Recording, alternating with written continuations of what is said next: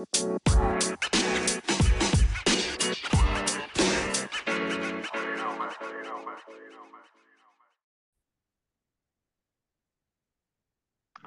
og velkommen til en ny luke i adventspodden til Småbrukerlag og Jordbrukspodden. I dag har vi vært så heldige å fått med oss en Simen Løken. Du Simen, du er vel ganske fersk gårdbruker, er du ikke det? Kan ikke si litt om deg sjøl og hvor du er helt igjen? Eh, ja, eh, hei. Eh, jeg er vel så fersk at jeg per definisjon egentlig ikke kan kalle meg en gårdbruker ennå, for jeg eier ingen gård. Men eh, jeg eier dyr og driver melkeproduksjon på gården som jeg skal ta over i løpet av neste år.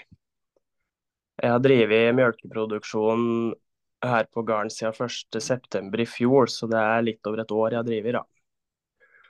Eh, denne gården ligger i Øyer kommune, helt sør i Gudbrandsdalen. Det er jo familiegården min da, som foreldrene mine har drevet nå. Fram til nå.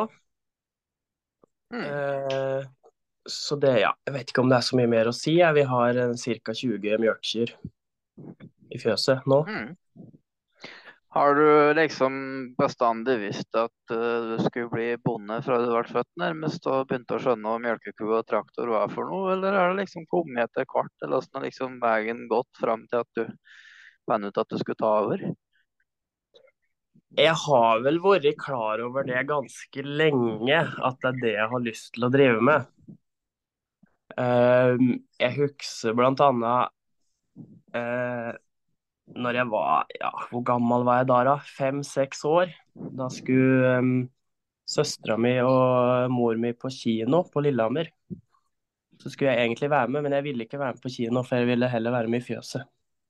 Det er liksom det første jeg husker fra at det var det, var det, det, var det jeg ville drive med. Mm. Eh, men så har jeg hatt en periode, jeg òg, når jeg begynte å bli litt eldre, hvor jeg tenkte litt over om det egentlig er dette her jeg skal drive med. Men så, så har det liksom alltid falt tilbake igjen på det, da. At det er det som føles riktig, egentlig. Mm. Har du tid noe annen utdannelse? Har du gått landbruksskole, eller åssen, hva du har gjort før du tok over? Nei, Det har gått i landbruksskole, egentlig. Jeg har et par år på folkehøgskole, men det var også egentlig litt retning eh, landbruk og håndverk. Um, men på videregående, da, det var da jeg drev og tenkte litt andre ting, så da gikk jeg på idrettsfag bare for å ha da får en den studiekompetansen. Da, så jeg hadde den muligheten, men eh, jeg har jo ikke egentlig noe bruk for det i dag. Men det var jo tre fine år, det var det absolutt. Mm. Men det er, ellers er det landbruksutdanning, ja. Det er det. Mm. Er liksom landbruket i Øyer? Er en del yngre folk som har tid over, eller hvordan er det med sånn miljø for jordbruksproduksjoner? Det er faktisk overraskende bra. Um, det var jeg egentlig klar over når jeg tenkte meg om, men jeg ble litt overraska når jeg begynte i det her sjøl og innså hvor mange yngre det er som driver. Og det er veldig artig. Uh, og nå er jo yngre i, i den forstand at det er folk uh, under, mange under 40 da, i hvert fall. Uh, og så er det en del på min alder og en del rundt 30 år som driver, så det, det er veldig artig. Mm. Har du liksom noen uh, planer om endring i drift, eller er ting noenlunde på stell og du kan liksom videreføre sånn det har vært gjort, eller har du noen tanker om andre ting du har lyst til å gjøre, eller også har du noen utfordringer på gården framover, eller hvordan liksom ser du, hvilke planer har du? Nå er jo jeg så heldig at jeg tar over en gard i ganske god drift, og med løsdriftsfjøs som eh, er såpass gammelt at det er nedbetalt og uh, fungerer bra. Men det jo, det er jo over 15 år gammelt, så det begynner jo selvsagt å slites en del der òg. Men jeg slipper jo å ha den store uh, ombyggingsprosessen foran meg, da, som ikke ser så fryktelig lovende ut i hvert fall, Det er en eh, forholdsvis liten gard, så jeg vet, hadde det vært i båsfjøs her, så er jeg usikker på om jeg hadde fortsatt med mjølkeku. Så ærlig må jeg være. Eh, men nå når det er løsdriftsfjøs som egentlig fungerer, så er det jo Så kommer jeg jo til å fortsette i mye samme samme gangen. Eh, den store forskjellen er vel kanskje at jeg satser på å være heltidsbonde. Og det er i hvert fall faren min og bestefaren min har jo ikke vært i det. Eh, så da Men nei, det, det blir mye det samme, egentlig. Det Mm. gjør det. Vi driver jo seterdrift om sommeren og har med mjølkekua der. Oppå der. Jeg driver jo og snuser litt på det der med noe slags eh, foredling. Men det blir i såpass liten skala at det blir forhåpentligvis kanskje noe inntekt på det, men det blir jo ikke Jeg skal jo fortsette å levere mjølk til Tine. Det skal jeg jo. Mm. Men uh, du nevner jo seting. Har dere mye setejord? Og hvor viktig er liksom de utmarksressursene? For dere har kanskje ikke så mye hjemmejord, da? Nei, for oss er det veldig viktig. Eh, vi, har, vi høster jo halvparten av vinterfôret vårt på fjellet. På seterlykker og dyrkningsparseller. Og så i tillegg til at alle dyr går eh, Mange går på utmark. Mjølkekua går jo i utmarka på dagen. I, I år ble det ti uker. Og alt av kviger og kalver og alt er på ulike beiter på fjellet. Så det Vi har eh, ikke noe beite hjemme, og da hadde jo det gått utover dyrkamarka da, og det lille vi har mulighet til å høste fôr på her i bygda. Så sånn sett er fjellet veldig viktig for drifta vår, da. Og den måten vi driver på nå. Mm. Er det de som kjører gjennom Gudbrandsdalen, vet jo at det kan være ganske bratt. Hvordan er det til dere? Går det bratt til, eller er det flatt? Vi er vel såpass heldige at jeg ikke kan kalle det bratt her. Eh, men vi har ikke mye flatt heller. Eh, men det er alt, alt vi har går an å drive enkelt med traktor. Og, mm, så det er, nei, det er ikke bratt her, det er det ikke. Det ligger på en måte ganske langt nede i dalbunnen. Så det mm, I forhold til mange andre i bygda, så er vi jo heldige.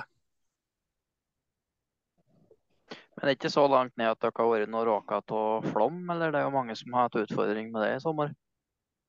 Nei, vi ligger, vi ligger liksom akkurat midt imellom eh, eh, elva og det bratte. Så det slik sett har vi vært heldige med Vi har ikke vært Vi har ikke råka av noe flom. Nei. Det er vi ikke. Hvordan ser liksom Det er mange som snakker om en litt dårlig fòrsituasjon. Hvordan har det vært for år, i år for dere? Har dere klart å berge greit grovfôr, eller er det mye bløtt og dårlig fôr? Eh, vi har nok, det er nå i hvert fall det viktigste. Eh, en del av og ganske mye av det siste vi fikk høsta på fjellet, det er eh, ganske greit på tørrstoff. Eh, det er ikke så fryktelig vått. Men eh, det ble jo seint høsta. Vi har en del myr, og det så jo mm, vanskelig ut helt til vi kom langt ut i september. Så akkurat kvaliteten på mye av det vi har, det er jo ikke det beste i år. Men eh, det, det ble jo i år at vi må være glad for at vi har nok, egentlig. Mm. Men myra den er på fjellet, da? Den er på fjellet, ja. ja. Og det er dyrka på sånn 60-, 70-, 80-tallet, det, eller? eh, når er det- 70-tallet, ja. Er vel det dyrka. Mm. Eh, Du, åssen er liksom den tida det går inn i for det? Jula, er det en viktig høytid for det? Har du noen tradisjoner? Hva spiser dere på julaften der? Eh, jula for meg er jo egentlig ganske viktig. Det er vel den på en måte viktigste høgtida vi har i forhold til tradisjoner, da. Eh, og her er det jo Julemiddagen her er jo ribbe. Um, de siste årene har det på en måte vært litt sånn ubevisst prosjekt på å få til så mye eh, som mulig sjøl til den julemiddagen. Eh, så i fjor var det vel omtrent bare krydder og salt som ikke kom herifra. Da, for da hadde vi et par griser på setra, så den ribbe og medisterkaker og julepølse og, og det som er. Og så er det egendyrka potet og kål til surkål og ja, egen mjølk har vi jo i fjøset, sjølsagt. Så i år blir det litt dårligere på grønnsakssida, for sommeren var som den ble.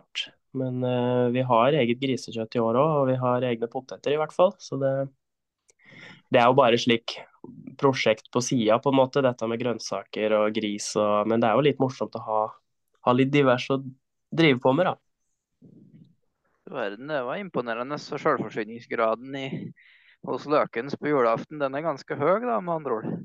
Akkurat på julaften er den det, ja. Eh, vet ikke om jeg skal skryte på meg det resten av året, men eh, det blir jo en del kjøtt av disse grisene, da. Det blir det jo.